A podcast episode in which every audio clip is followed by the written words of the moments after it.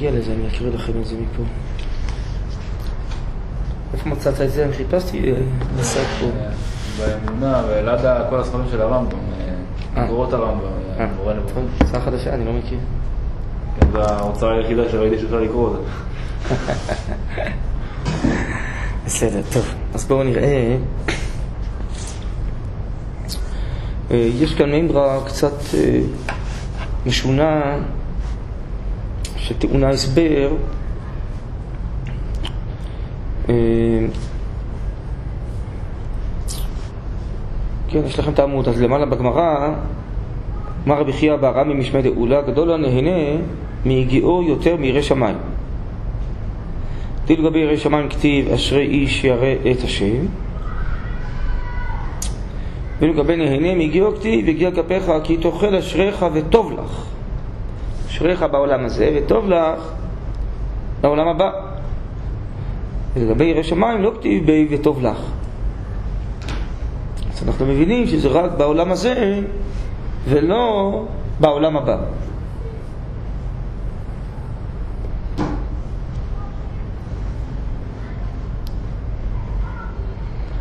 אה, הנהנה מגיעו באיזה עניין? בעניין אה, גופני, בעניין של פרנסה, או גם, או רק בעניין רוחני.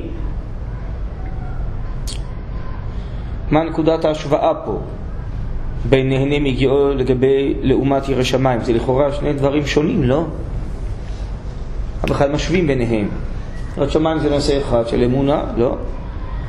אה, יגיעה זה לעומת בטלנות, לא? אנחנו כאילו משווים בין יראת שמיים לבין נהנה מגיעו. ומה כל זה קשור להבדלה שבין עולם הזה לבין עולם הבא? אני הייתי עושה חשבון הפוך אם כבר. ככה הסברה האנושית הפשוטה אומרת, לא? שמי שנהנה מגיעו, אז הוא יותר אה, טוב לו בעולם הזה. שמיים אולי זה רק בעולם הבא, כן, מגיעו.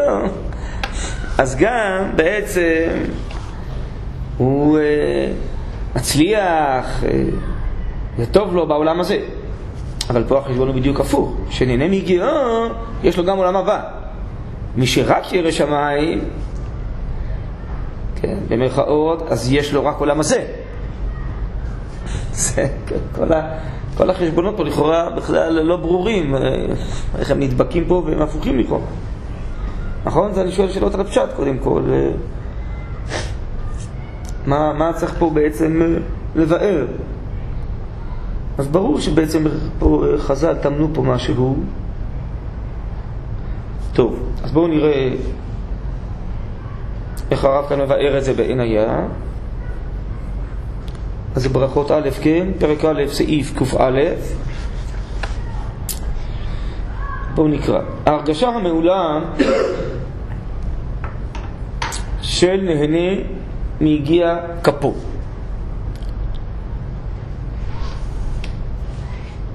היא היותר שלמה וטובה של כל ההרגשות המוסריות שבאדם.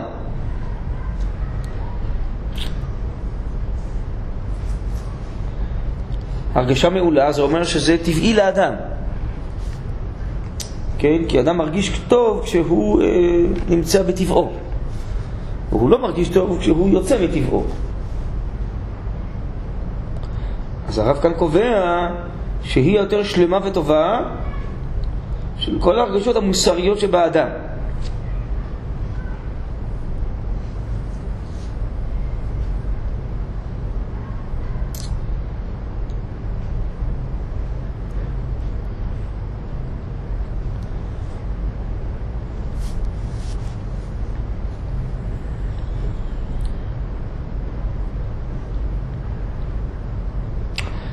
אצל הרב הביטוי מוסר זה לא כמו שמשתמשים היום, אה, שאדם יהיה מוסרי אה, כלפי אה, אחרים, כן,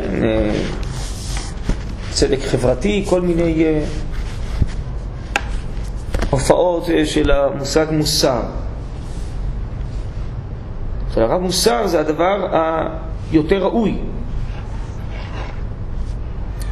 היותר מתאים לחיים, היותר מתאים לפיתוח החיים, היותר טוב להעלאת החיים, ביחס לעצמו, ביחס לחברו, ביחס אה, לכל החברה, ביחס לכל המציאות והברואים והעולם, כן?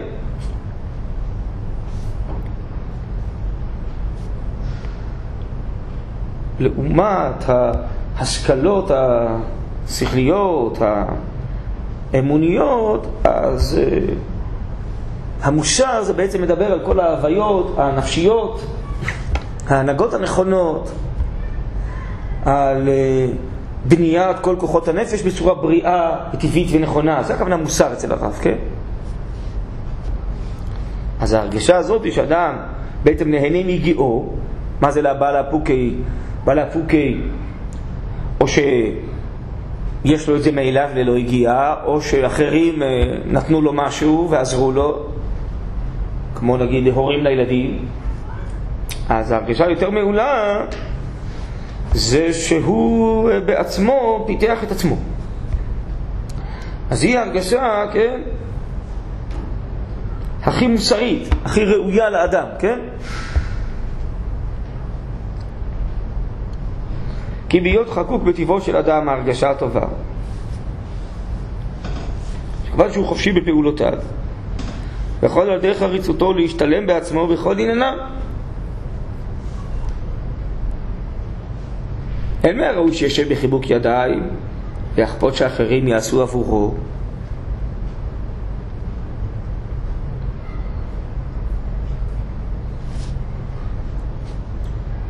כן, זה המוסר, אין מהראוי. המוסר זה הראוי, כן? הנכון, המתאים למציאות. אז אין מהראוי שישב בחיבוק ידיים ויחפות שאחרים יעשו עבורו. למה? למה אין מהראוי? כיוון שהוא חופשי בפעולותיו, א', ב', יכול על ידי חריצותו, יש לו יכולת טבעית שהשם ברא בו. אז אם אתה לא משתמש בזה, אתה בעצם מבזבז, מתרחק מהיכולות הטבעיות שהשם שם בך, בעצם מהאלוקיות שבך. אתה יוצא מטבעך, ממה שהיה ראוי להיות. אפשר אולי להגיע לאותם דברים גם בצורות אחרות, אבל אז זה זר לך, זה חוץ לך, זה לא אתה.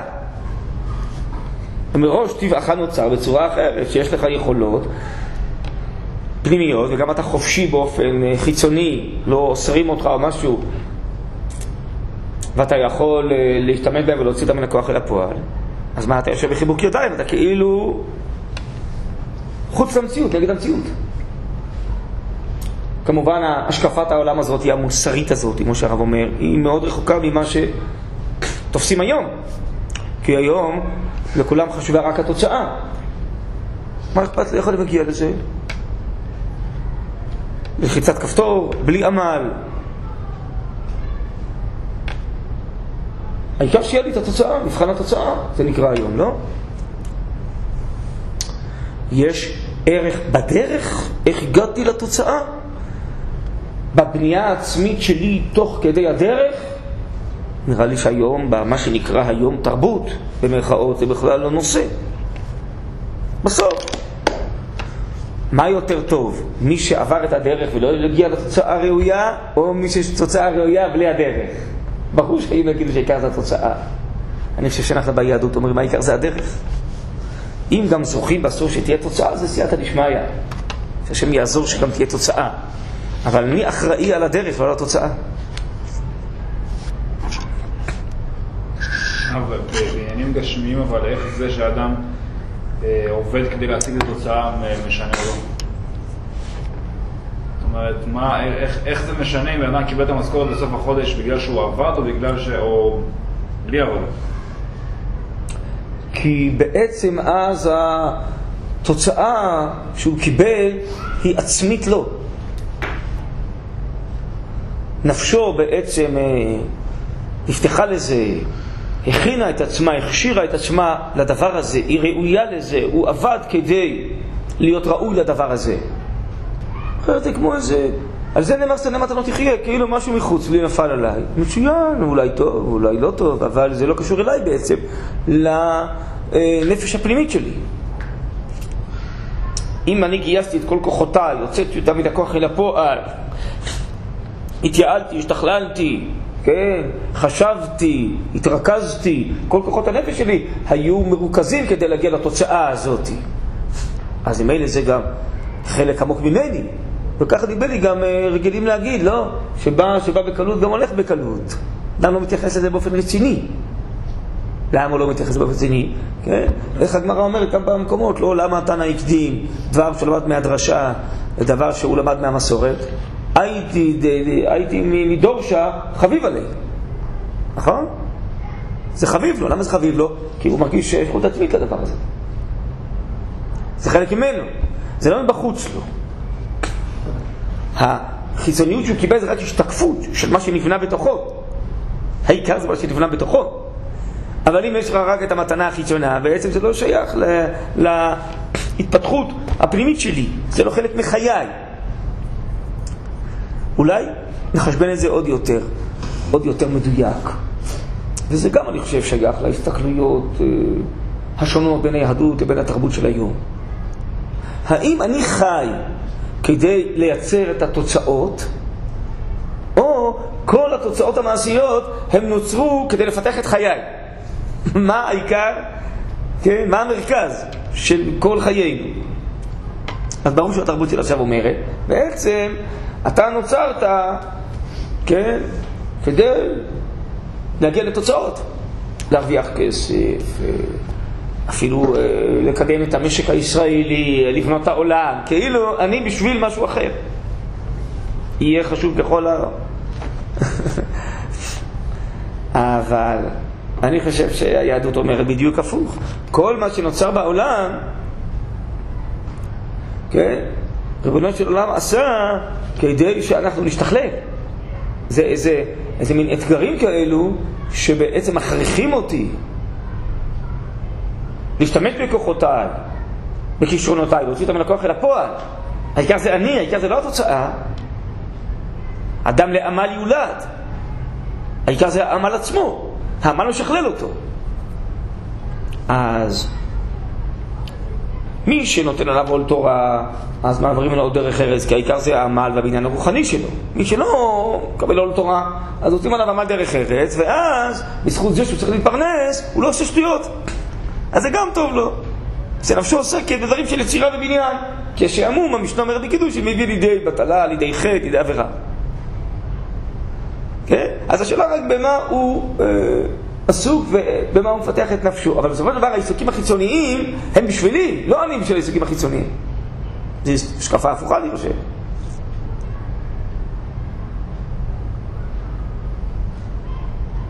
נכון, הרבה עוד בחדות לשונות תמיד היה רגיל אה, לומר כך, שאברהם אבינו בעצם לא הצליח. לא הצליח אה, בעצם לחנך את ישמעאל, נכון? אה, לא הצליח אה, להציל את סדום. אפילו את הבן שלו לא הצליח לעקוד, נכון? למה הוא אבי האומה? כי אברהם זה כמו תורה, יקרי דרך. הוא מראה את הדרך של המאמץ, של העמידה בניסיונות, של הבניין, מדרגה לדרגה, שכל מה שקורה בחיים הוא רק בונה אותי עוד יותר, משכלל אותי. עשר ניסיונות מעלים אותי. וזה הוראה לאומה לכל הדורות. אבל זה לא המבחן והתוצאה בסוף. התוצאה בסוף, הוא לא הצליח בהרבה דברים שהוא עשה. זה בכלל, זה לא חשוב, זה רק איך התאמצי לבניין וההשתכללות שלי. הרב, זה היה מבט מעיני היהדות גם על אה, פיתוח טכנולוגי כאילו? ברור, מה, הטכנולוגיה נוצרה בשבילנו. לא אנחנו בשביל הטכנולוגיה. לא. כן, אבל תוצאות בשבילי, בשביל האדם, לא? כן, אבל... אם האדם יהיה פחות מוסרי בסוף בגלל הטכנולוגיה, אז מה שווה הטכנולוגיה? גם הדרך להשיג את הטכנולוגיה, כן. המטרה היא רק התוצאה, היא לא הדרך עצמה לפתח איזושהי מערכת או דברים כאלה. מה למה? מה? הרווחנו אם לא הגענו לתוצאה? שהאדם אה, עבד? השקיע בדברים טובים ולא בדברים רעים. כמו שאמרתי, אפילו ישב אדם ולא עבר עבירה, נותנים לו לשחק עושה מצווה, שכלל את נפשו, פיתח כישרונות, מה זה לא חשוב? אנשים עבדו, התאמצו, זה לא חשוב, למה זה לא חשוב? האנושות התפתחה, לא הגיעו בסוף לתוצאה. בסדר, אז מה? חוקרי חלל, תמיד מגיעים לתוצאה עד שמצליחים להנחית איזה חללית, אה, איזה כוכב חדש. אז מה, אז המחקר לא יתפתח בזכות זה? ברור שיתפתח. טוב, בסוף מישהו יצליח להנחית את החללית על הכוכב הזה. בסדר, אז אם לא יצליחו להנחית, אז זה לא שווה כלום? ברור שזה שווה. טוב, העולם לא רואה את זה כמו שאני מציג את זה עכשיו. ברור. כן, העיקר בסוף. זה התכלס. היעילות, המיומנות, שיהיה מהר, שיהיה זה. בסדר, נו, ואז מה? ומה עם כל הנפש האנושית? זה בדיוק מה שקורה היום, לא? כל הטכנולוגיה הזאת, היא בולעת בסוף את הנפש, היא מפזרת אותה, היא בסוף מורידה אותה. המדיה והזה. זה יכול להיות אה, שימוש טוב, אם הנפש במרכז, והיא רק משתמשת במה שהיא צריכה, אבל בסוף הנפש... והפסיכולוג אה, יהודי בארצות הברית שכתב את זה לפני עשרות שנים, בתחילת הטכנולוגיה של אז, איך היא בעצם מקטינה את, האדם ובולעת אותו. היום ממש, המחקרים מדברים על למשל הבעיות והקשב והריכוז של ילדים, אומרים שזה במאה אחוז, אחת הסיבות המרכזיות זה כל המדיה והטכנולוגיה והקלות של השימוש והפיזור. יש השפעות אחרי זה לנפש הילדים והיכולת הבנייה שלהם וההתפתחות ויכולת הלימוד שלהם. טוב, אני חושב שיש פה ממש אה, שתי הסתכלויות הפוכות.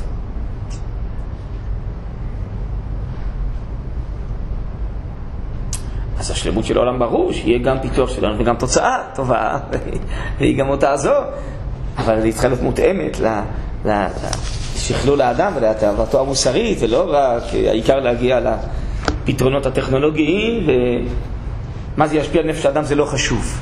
זה מאוד חשוב, זה עיקר החשיבות.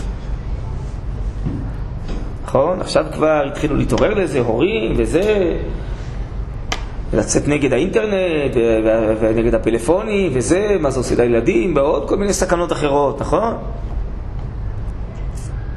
למה? כי הם רואים בסוף, זה בולע את כל החיים בסוף, זה משתלט על כל החיים.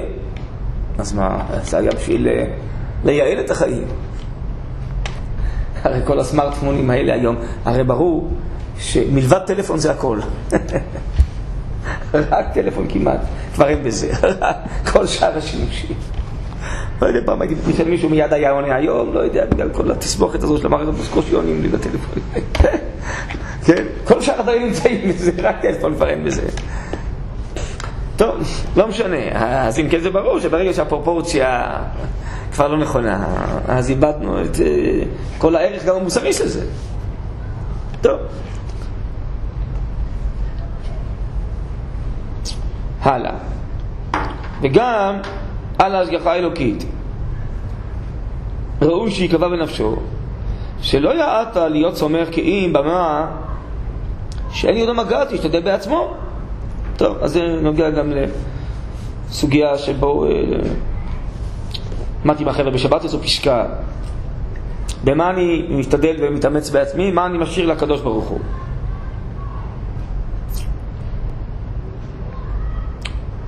כן.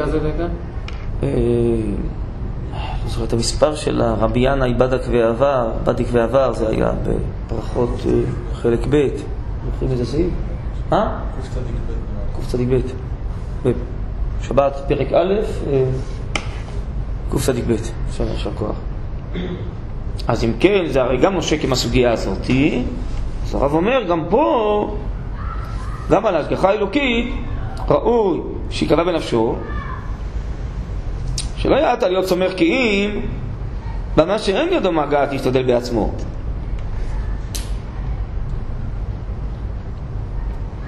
כי כל מה שידו מגעת, זו ישלמו שהשפיעה השגחה אלוקית ליתן לו כוח לעשות חיל, כדי שיהיה בידו טובו. הטוב, כן, זה הסוגיה פה, הטוב של האדם יהיה בידו.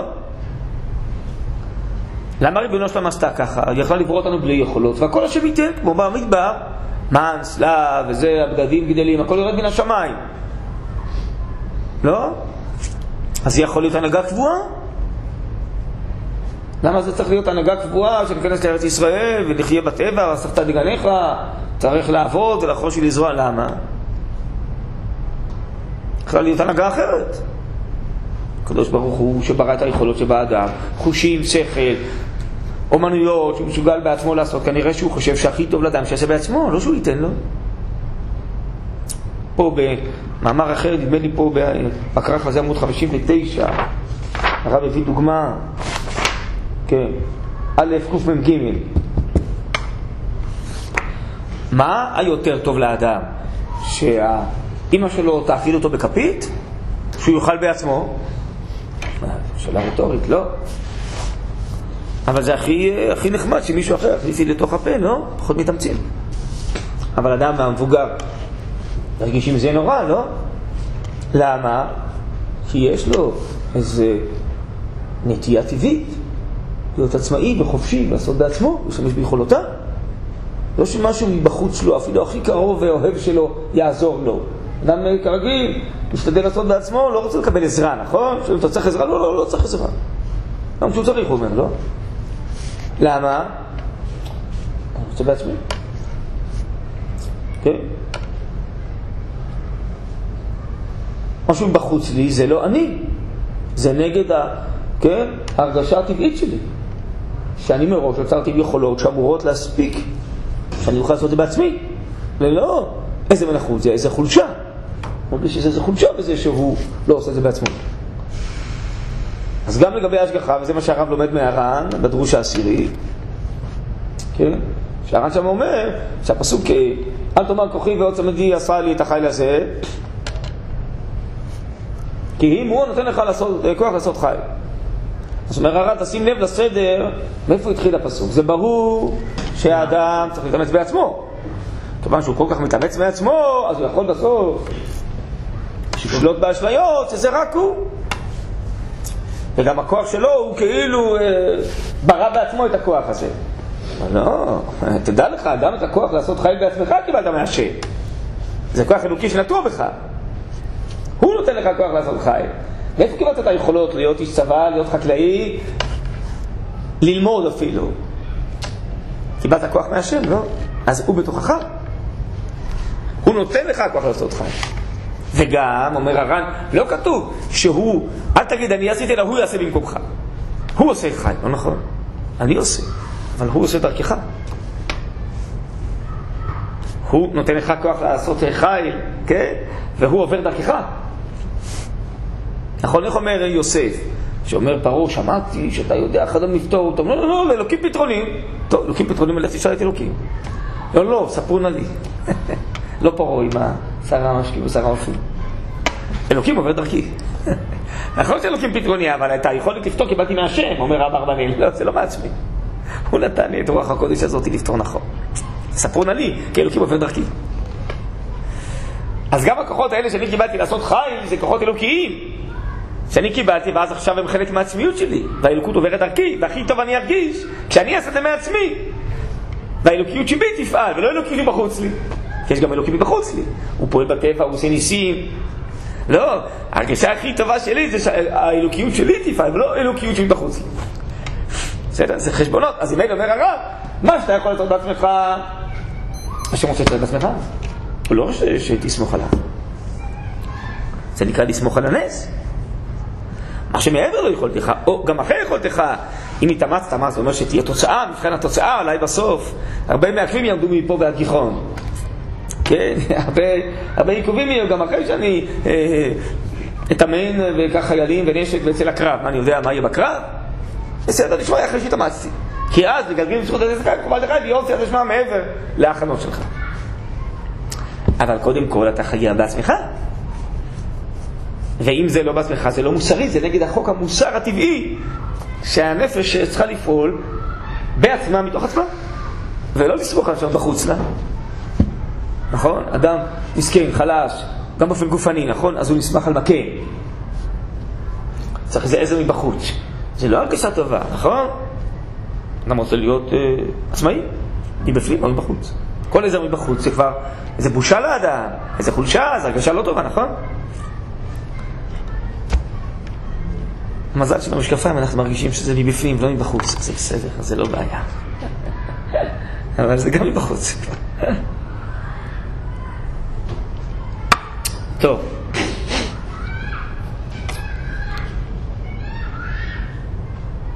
הכוח המוסרי הזה יוביל את האדם אל רוממות מעלתו.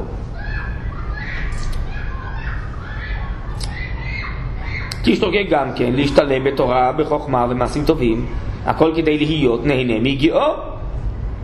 הוא לא יצטרך להיות מהניזונים בצדקה. כן? גם ברוחניות יש צדקה שמישהו מבחוץ אה, עוזר לי, ויש שאני בעצמי מבין, נכון? ועוד פעם, זה כמו עם ילד, בתחילת גידולו של אדם הרוחני, שהוא ילד, והוא אצל ההורים, והוא בבית הספר, והוא בשלבים שונים של הגידול הרוחני, הוא צריך הרבה עזרה מבחוץ. אבל לאט לאט הכוח עובר אליו והוא בונה את עצמו מבפנים. הוא לוקח אחריות על עצמו, כבר לא לוקחים אחריות עליו. אם אין אני לי מי לי. וגם הוא שמח מאוד שהוא בעצמו אחרי זה יודע ללמוד וללמד את עצמו, ולא שקודם מישהו צריך ללמד אותו מבחוץ. זה אותו דבר גם ברוחניות.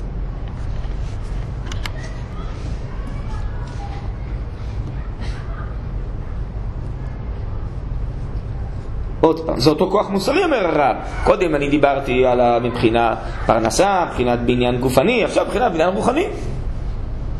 הכוח המוסרי הזה יוביל את האדם לרוממות מעלתו. ישתוקק גם כן להשתלם בתורה בחוכמה ומעשים טובים, הכל כדי להיות נהנה מגיעו, ולא יצטרך להיות מהניזונים בצדקה. נכון? יש גם אביון בתורה, לא? גם צדקה רוחנית יש. תריכהו למעלות רמות יותר מהרגשה של יראת שמיים המופשטת. עכשיו הרב בא לבאר מה הכוונה גדול, הנהנה מגיע כפו יותר מירא שמיים. מה הכוונה יראת שמיים המופשטת? שאף שאתה מרצה לאחוז בעבודה, הוא יוכל להסתפק כמה פעמים במיעוט השתדלות.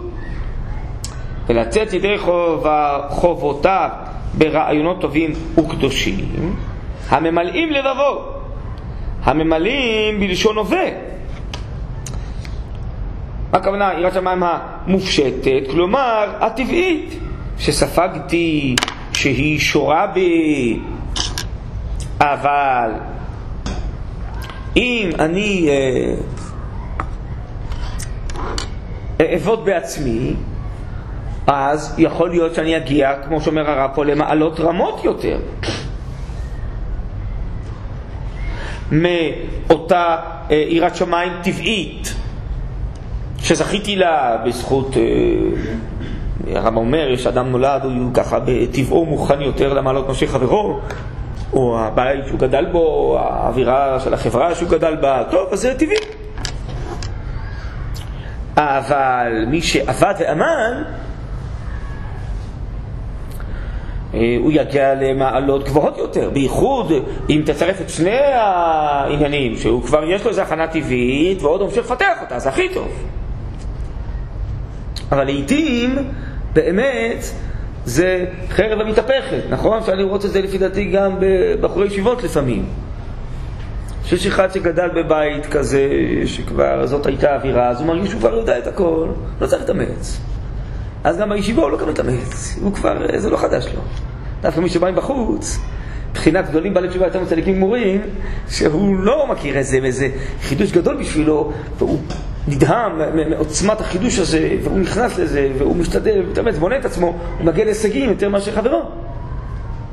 אולי אצל חברו זה יותר טבעי ועמוק בנפש, כמו שהמהר"ל אומר, שזה צדיקים גמורים, מעלתם, שלא יתלכלכו בחטא יותר מאשר בעלי תשובה. אבל יש גם צד שני, אומר המהר"ל, ולכן יש דעות לכאן ולכאן. בעלי תשובה, הוא היה בחטא, הוא מכיר גנות החטא, ההכרה השכלית שלו, ההבדלה בין השיטות הרבה יותר עמוקה. הוא גם פיתח גבורת נפש להיחלץ מהבוט שהוא היה פה, גבורות וכוחות שאולי מי שצדיק מקרו לא פיתח בתוך עצמו. כן? אז אה, הכי טוב אם תצרף שתי המעלות של הצדיקות אה, הטבעית והכוח של העמל, אבל לפעמים זה או זה או זה. כן? והנה, זה כאילו, זה, הירא שמיים זה כאילו התכונה הטבעית, זה הכוונה, זה מה שחז"ל מאמתים פה. הנהנה מגיע כפו, הכוונה היא שהוא לא סומך כאילו על הברכה הזאת הטבעית, הרוחנית שיש בתוכו, אלא הוא עובד, הוא עומד. ואז הוא מגיע למעלות יותר אה, גבוהות, עמוקות יותר בנפשו, בשכלו, בהרגשותיו, ועמל תורה, פיתח בעצמו עוז ושייכות ודבקות בדברים יותר מאשר אותה שייכות טבעית, לעיתים. זה נקרא נהנה מגיע כפו. גם נהנה מגיע כפו רוחנית. הוא גדול ממי שיש לו את ההרגשה הטבעית הזאת ללא עמל. הוא סומך על זה שיש לו. או זה שיש לו משפחה שלו, או לאבא שלו, זה... נכון? אולי זו אחת הסיבות שהגמרא אומרת, נכון? שם בנדרים, למה בניהם של תלמידי חכמים אינם תלמידי חכמים? אומרים שם איזה שמונה סיבות, אחת מהן זה זה שבעצם סומכים על העולם. לא צריכים לעבוד לבד.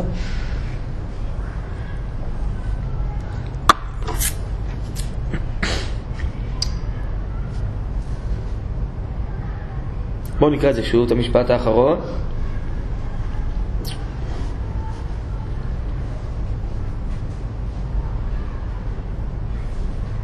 הכוח המוסרי הזה יוביל את האדם אל רוממות מעלתו, כי שתוקק גם כן להשתלב בתורה, בחוכמה ובמעשים טובים, הכל כדי להיות נהנה מיגיעו, ולא יצטרך להיות מהניזונים בצדקה. תדריכהו למעלות רמות יותר מהרגשה של יראת שמיים המופשטת, שאף שתמריצהו לאחוז בעבודה, אבל יוכל להסתפק כמה פעמים במיעוט השתדלות. לצאת ידי חובתה ברעיונות טובים וקדושים ממלאים לבבו. נו, אני כבר אה, מכיר את זה, זה כבר ממלא את לבבי. אז מה, מה יש לי כל כך להתאמץ?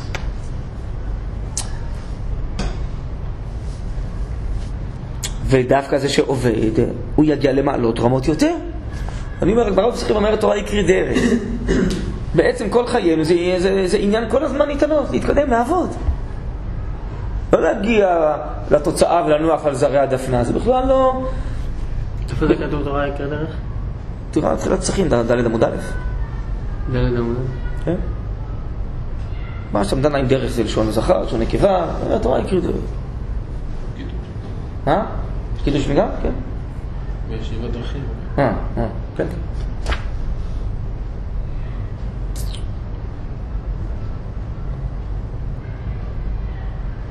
ושוב, בתרבות של היום נדמה לי שהעיקר זה כאילו התוצאה, להגיע למנוחה, הפנינג, כל הזמן צריך לנסוע לחופשות, כל, כל העבודה צריך בסדר להגיע למנוחה. זה כאילו כל ה... עובדים קשה, כי די וזה, כי בסוף עושים בחופש, בסוף מגיעים למנוחה. יש לזה ביהדות, אנחנו אומרים בדיוק הפוך. המנוחה, זה שבת שנקראת יום מנוחה, זה ההתעלות הכי עליונה, זה המנוחה. זה השייכות לאידיאל, זה ההתעלות התדרית. זה אצלנו המנוחה. אז מה באמת... צדיקים אין להם מנוחה, לא בעולם הבא, נכון? יקחו מחיים אל חי. התכלית זה ההתעלות כל הזמן. זה לא להגיע לאיזה מצב סטטי ולהגיד, זהו, מספיק. צדיק גמור, הרב אומר באיזה מקום, צדיקים גמורים, הם גמורים. ואין היה בשבת חלק ב', הם כבר סיימו. כן? זה לא טוב. גמורים לגמרי. כן? אז מה העניין בעצם בשבת? שבת זה דבקות באידיאל. האידיאל הכי עליון זה ההשתלמות, ההתעלות. כאילו טעינת מצברים כזאת, כאילו בשביל המשך העבודה? לא, זה עצמו העילוי הכי גדול שמתעלים. שבת זה יום שבו אפשר להתעלות יותר מאשר בימות החול. אז זה המנוחה הכי גמורה, שאתה שייך לאידיאל ומתעלה איתו. כן. כאילו מהבחינה הזאת אתה ממשיך לעבוד בשבת. כן. נכון. עבודה של קרבת אלוקים. בכלל מושג חיים, אפשר לדבר על זה אולי פעם בנפרד. המביים של מושג חיים זה כל הזמן השתכללות, התעלות, לא סטטיות. המוות זה סטטיות. חיים הכוונה היא כל הזמן השתכללות. ככה מבאר במוסר אביך, שאדם שבעצם אה, חי כל הזמן רוצה להתקדם. עולת ראייה, יגדל אלוקים חי. אז זה חי, או כן חי וקיים. חי הכוונה היא בעצם כל הזמן, הרי ורבי, משתכלל, מתעלה, מתקדם. זה המושג חיים אצלנו.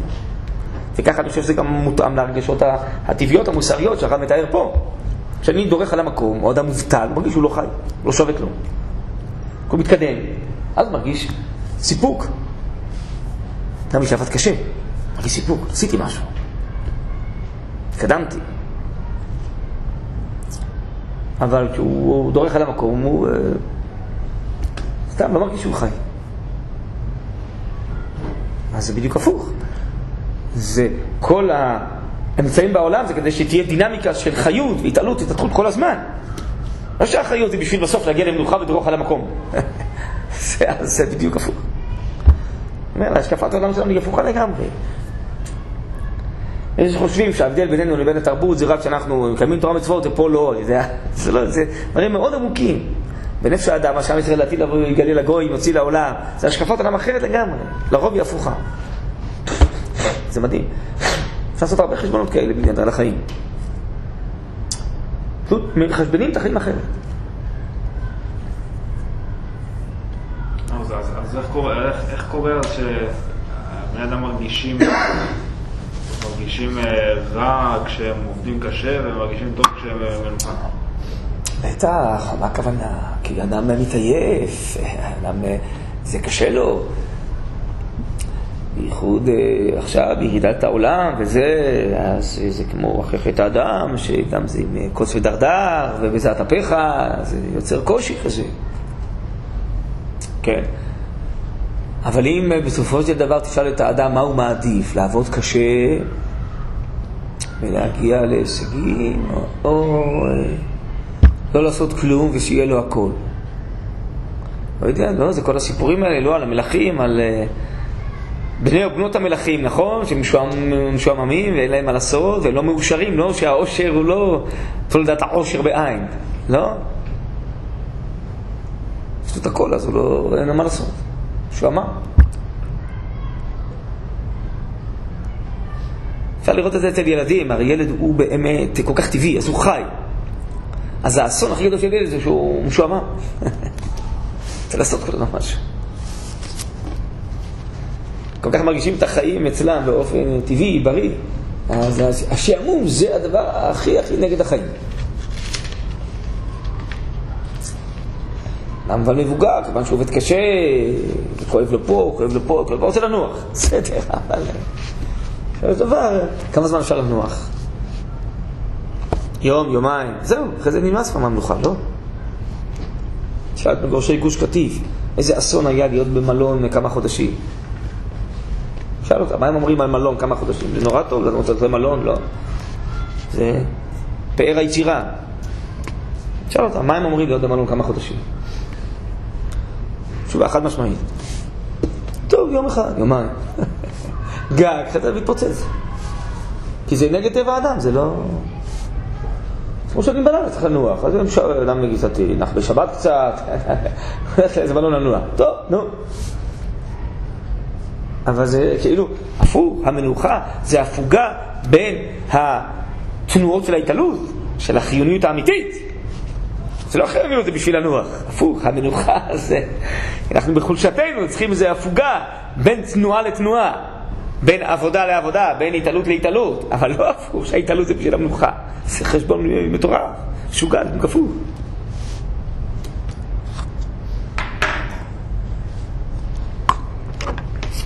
טוב, ובאמת, עיקר נועה, העולם הבא, אה, זה מה שביקשתי ממך שתביא את הרס"ג, כי הרס"ג עוסק פה בתחילת מאמר שלישי בדבר הזה, שהקדוש ברוך הוא יכל לעשות שאנחנו נדע תורה בלי מאמץ. ונדע איך לקיים את המצוות אה, בלי מאמץ, ונגיע לשכר רוחני בלי מאמץ, נכון? מיד כל הרוחניות תהיה בתוכנו וזהו. אבל הוא אומר, הוא לא רצה את זה שזה יהיה ככה. הוא רוצה להיטיב עם האדם. אז הוא מתחיל מזה שהשם הוא טוב ומיטיב לאדם,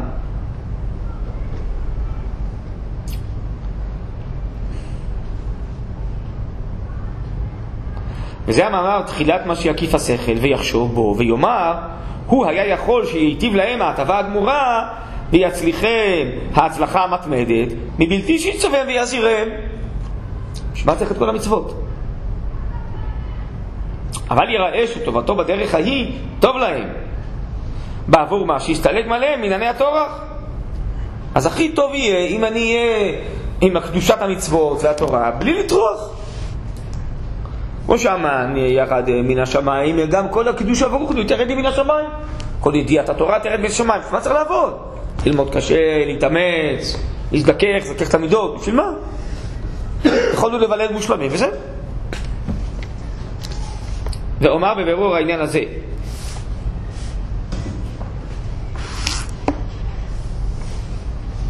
כי סומו, סיבת הגעתם, היא הטובה המתמדת בהטריחם במה שציווה בו, הוא יותר טוב. זה הטוב היותר גדול. כמו שחז"ל אמרו פה, נכון? שזה נקרא טוב. אשריך וטוב לך. והוא שהשכל דן שיהיה מי שמגיע לטובה על מעשה שהוא עבד בו, יש לו כפל, מה שהגיע מן הטוב, מי שלא עשה דבר. אבל הוא מתחסד עמו. כלומר, אני מידת חסידות נותן לך ומי שלא מגיע לך. אין השכל רואה להשוות ביניהם, אחד מגיע לו, ונותנים לו בגלל שמגיע לו, ואחד נותנים לו כצדוקה, כחסד. מה השכל אומר? ברור שזה ראוי יותר מאשר השני. לא מסכן, להפך, נותנים גם לו, נכון? כלומר, יש לו כפל מה שיגיעו מן הטוב.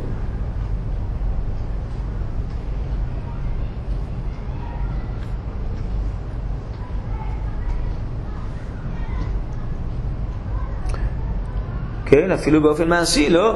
אז אתה נותן לו צדוקה קצת, נו זה פרוטה, מסכן. אבל מי שעבד ועמד, נותן לו שכר שלם על מה שהוא עשה, לא? מותאם לעבודה שהוא השקיע. מגיע לו, התאמץ, השקיע זמן, כוחות. כן, יש איזה כאילו איזה תמורה. אבל ההוא אה, לא השקיע מאמץ, לא עשה. טוב, צדוקה, ניתן לו משהו. אבל מי שעבד, מגיע לו כפל. וכאשר הדבר כן, נטע בנו בורנו אל החלק היותר להיות תועלתנו על הגמול, כפל תועלתנו אשר תהיה על לא מעשה. בר השם נטע בנו את התכונה הזאת, שנקבל גמול על מה שעשינו, לא על מה שלא עשינו.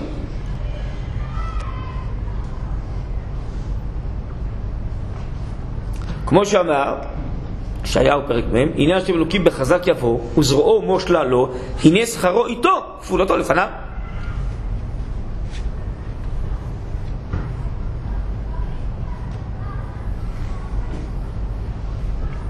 כלומר, השם רוצה לתת לנו שכר. לפי זה הנושא יוצא חידוש, כי אנחנו אומרים כרגיל, טוב, יש בחירה חופשית, שכר ועונש. אדם עשה טוב, מקבל שכר, לא עשה, מקבל עונש. זה כאילו תוצאה של מעשיו. והעיקר זה בסוף להגיע לשכר ולא לעונש. העיקר להגיע לתוצאה. זה הבנה פשוטה בשכר והעונש, לא? אני חושב שהוא מחדש פה הפוך. השכר, מראש נוצרה השיטה של שכר והעונש, זה כדי שאנחנו נעבוד ונשכלל את הנפש, נהיה ראויים לשכר. שכר ועונש זה בעצם אמצעי כדי לפתח את נפשנו שתהיה ראויה לשכר. לא המעשה מביא והעיקר התוצאה, הפוך. נוצרה השיטה הזאת של שכר ועונש כדי שנפשנו תעבוד קשה ותקבל שכר. אז השכר הוא הסיבה הכי טובה שהנפש שלנו תהיה ראויה להשתלם ולהתפתח ולהשתכלל. הסכמות הפוכה מההסכמות הרגילה. נכון? ולהעמיד במושגים, מה זה שכר ועונש.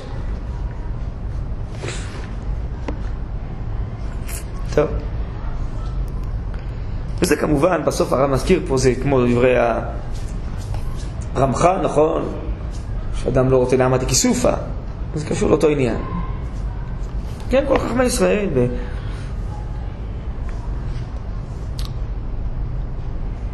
כשהרס"ג אומר שכל, הכוונה היא בעצם מה טבעיות הנשמה אומרת. אצל הקדמונים שכל זה זה, זה, זה טבע הנשמה. זה, זה ביטויים מחולפים. השכל אומר, הכוונה היא, זה טבע הנשמה. בסדר? אז בספרים אחרים זה עיקרי נשמה. אצל הרס"ג זה נקרא שכל. אתם יודעים שהרס"ג הוא ראשוני הגאונים, זה עוד אה, קרוב לתקופת הסבוראים. זה ממש השכליות בשורשה, בשורשה האלוקי זה הרס"ג. הוא הרי עוד לפני הרמב"ם אפילו. הרמב"ם נסמך עליו, חולק עליו בהרבה מקומות. זה השכל העצוב בנשמה, זה הרס"ג. בסדר, צריך לדעת איך ללמוד רס"ג. להתייחס לזה. מה זה שכל? יש כאלה חושבים שחמאס ישראל הם כמו איזה פילוסופים כאלה. זה שכליות של הנשמה. כן? הרי במהר"ל קוראים לזה נכון, השכלית. המדרגה השכלית, זה הנשמתית. זה, זה השכל הקדמוני. טוב. בסדר, זה פה תחילת מאמר שלישי. הלאה, ובאמת, עיקר נועם העולם הבא הוא הנאה מיגיע כפו. שזוהי השלמות האמיתית והטובה השלמה, שידועה במיתתה ליוצרה, אף על פי שאדם אינו מרגיש אותה בשלמותה. מה הכוונה אינו מרגיש? כמו שהרמב"ם כותב, אנחנו לא יודעים מה זה עולם הבא. אנחנו רק, אה, מה שחז"ל מתארים זה דרך השלילה, אין בו לא אכילה ולא שתייה. כי אנחנו לא יכולים לתפוס בחושים שלנו בעולם הזה היום, מה זה עולם הבא. אבל, הרב אומר, יש התנוצצות של עולם הבא והעולם הזה. מה ההתנוצצות? ההרגשה הזאת המוסרית שאני רוצה בעצמי לעשות ולהשתכלל, זה התנוצצות אור עולם הבא. אתם מבינים כמה, כמה זה מיוחד מה שכתוב פה? אה? כי בעולם הבא זה השתכללות עצמית כזאת. צדיקים יושבים, הטוטם בראשיהם, אין מזיף השכינה, וכל צדיק יש לו עטרה בראשו, הוא משתכלל ומתעלה במסלול המיוחד שלו. כל אחד יש לו עדן ומסלול בפני עצמו. וכל הזמן שם משתכללים ומתעלים, שם לא עומדים על המקום, שם זה חיים עשירים מאוד, הרבה יותר מאשר פה. אם החיים פה, זה אמרנו השתכללות, אז שם זה לאין ארוך. אנחנו לא מסוגלים להרגיש היום מה זה שם. אבל עולם הבא זה בכלל לא מנוחה של תוצאה. עולם הבא זה מנוחה של התעלות. זה שבת אם עולם הבא. לכן השבת אמרנו זה המנוחה והדבקות של חיי התעלות.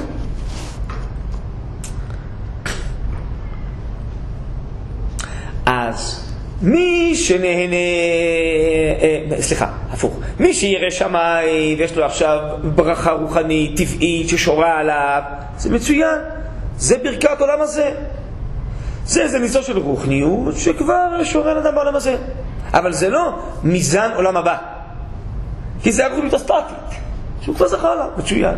אשרי מי שזכה, לעומת מי שלא זכה. אבל תכונת הרוחניות המתעלה, המשתכללת, זה רוחניות מזן של עולם הבא. אז הנהנה והגיע כפו, שיש לו תכונת ההתעלות הזאת, זה איזה ניצוץ של אור עולם הבא. זה טובה הרבה יותר עליונה, ולכן זה מיוחס לעולם הבא, לעומת מה ששאלתי בפתיחה, ולא לעולם הזה. עד כדי כך, ממילא, הרב יאמר בהמשך, אז מי שגם נהנה מגיע כפו, לא ברוחניות, בעמל כפיו בשביל פרנסה. אז נכון שהוא לקח את התכונה הזאת לענייני עולם הזה, הוא עוסק בענייני החומר ופרנסה ולא בענייני רוח. אבל התכונה היא התנוצצות של עולם הבא. שהוא משתמש בבינתיים לענייני העולם הזה. אז מצד מעלתה ותכונתה הפנימית, יש בה מעלה יותר עליונה ממי שירא שמיים, שיש לו באופן טבעי רוחניות בעולם הזה. אתם מבינים? מי שיש לו ירא שמיים הוא רוחניות. מי שנגיד כלפיו נגיד בפרנסה, אז הוא עוסק בגשמי, נכון? אז מצד הגלוי, הירא שמיים יותר גדול. הנה, אני אדם רוחני ואתה אדם מעשי. אבל מצד היכולת הפנימית שבוערת בכל אחד מהם, שמתנוצצת, בזה שנהגי כפיו מתנוצץ אור עולם הבא, ובירא שמיים מתנוצץ רק אור עולם הזה, הרוחית שבעולם הזה. ההוא שייך למדרגות מאוד עליונות שחבוקות, שמופיעות מאור עולם הבא. רק בינתיים הוא לקח את זה רק לענייני גשמיות. אבל הדינמיקה של כל וההתעלות, זה דינמיקה של עולם הבא, לא של עולם הזה. מבינים? אז החשבון יוצא אדיר. שיש במי שנהנה מיגיע כפיו מעליה פנימית מצד הדינמיקה והאנרגיה הפנימית שלו, שהיא התנוצצות העולם הבא יותר ממי שאפילו מהצד הגלוי עושה ברוחניות בעולם הזה. אה? מעניין החשבונות האלה, אה? חשבונות מורכבים, אבל מעניינים. לא, אבל למה, למה התכונה הזאת שייכת דווקא לעולם הבא ולעולם הזה? כי עולם הזה הוא מצומצם, אז הוא באמת סוגר כל הזמן. למה אנחנו רוצים מנוחה? כי העולם הזה מטעה, הוא סוגר. הוא מוגבל, הוא מצומצם, הוא גשמי, אז הכל מביא כבדות ולאות ועצלות ואיטיות, עד בסוף שאתה נסגר במוגבלות. עולם הבא זה חופשי. זה, מ- מ- מ- מ- זה לצאת מהקופסה, מה- מהמסגר. זה החופש של הדרור העליון. אז לכן, העולם הזה כל הזמן מושך לקטנות, לא, לא, לאותה מנוחה, לאותו מבחן התוצאה שדיברנו כל הזמן. למה העולם הזה מגיע? למה בעולם הזה התרבות מגיעה לזה? כי זה, העולם הזה מושך לזה. העולם הבא אומר כל הזמן, בעצם, תצא מהמוגבלות, אנחנו שייכים לאינסוף. לכן אי אפשר לחוש את זה בעולם הזה, כי זה מין אה, אה, יכולות כאלה מעבר לכל הפרמטרים של העולם הזה. זאת דינמיקה תנועה של האינסוף. לכן הרב אומר, בעולת ראייה על סוכות, שזה החג הכי עליון. שעל זה נאמר, והיית אך שמח, וזה לומדים מכל הרגלים, כי שמחה זה התחדשות כל הזמן. ואתה אומר, לא, סוכה היא פחות מבית, נכון? כי בית הוא יציב, סוכה היא ארעית. אומר הרב בדיוק הפוך. כיוון שבית הוא יציב, אז העולם הבא זה סגור. סוכה זה ארעי, הכוונה היא, כי כל שלב בהתפתחות החיוניות זה ארעי לעומת השלב הבא. כי אנחנו לא רוצים לעמוד על המקום, רוצים כל הזמן להתחדש. הסוכה זה שלימות של דינמיקה של חיים, שכל שלב, כל מצב הוא ארעי לעומת השלב הבא. לכן חייבת להיות דירת ארעי, סוכה. כי זה הדינמיקה של ההתעלות. לכן אתה יוצא מהבית שכל האנשים נכנסים הביתה, זה הגשמי, אנחנו שוחים אצל השכינה. שכינה זה חיי ההתעלות. לכן הסוכה חייבת להיות דירת ארעי. כי כמו, כמו בעולם הראש, הצדיקים אין להם מנוחה, הולכים מחיל אל חיל, כל מדרגה היא ארעית לעומת המדרגה הבאה שעוד מעט תתנצץ עליהם. לכן זה הרבה יותר עליון, סוכה, מאשר בית. בדיוק באותו חשבון שיש לו. טוב, אני רואה שצריך לעצור, אז אולי... כן, כן. אז אולי אה, ננסה להמשיך את זה באיזו הזדמנות אחרת, אני יודע, אבל זה כבר אולי עיקר העניין ראינו, אבל פה קצת עוד ברורים לגבי העולם הבא יש. טוב, נראה. טוב.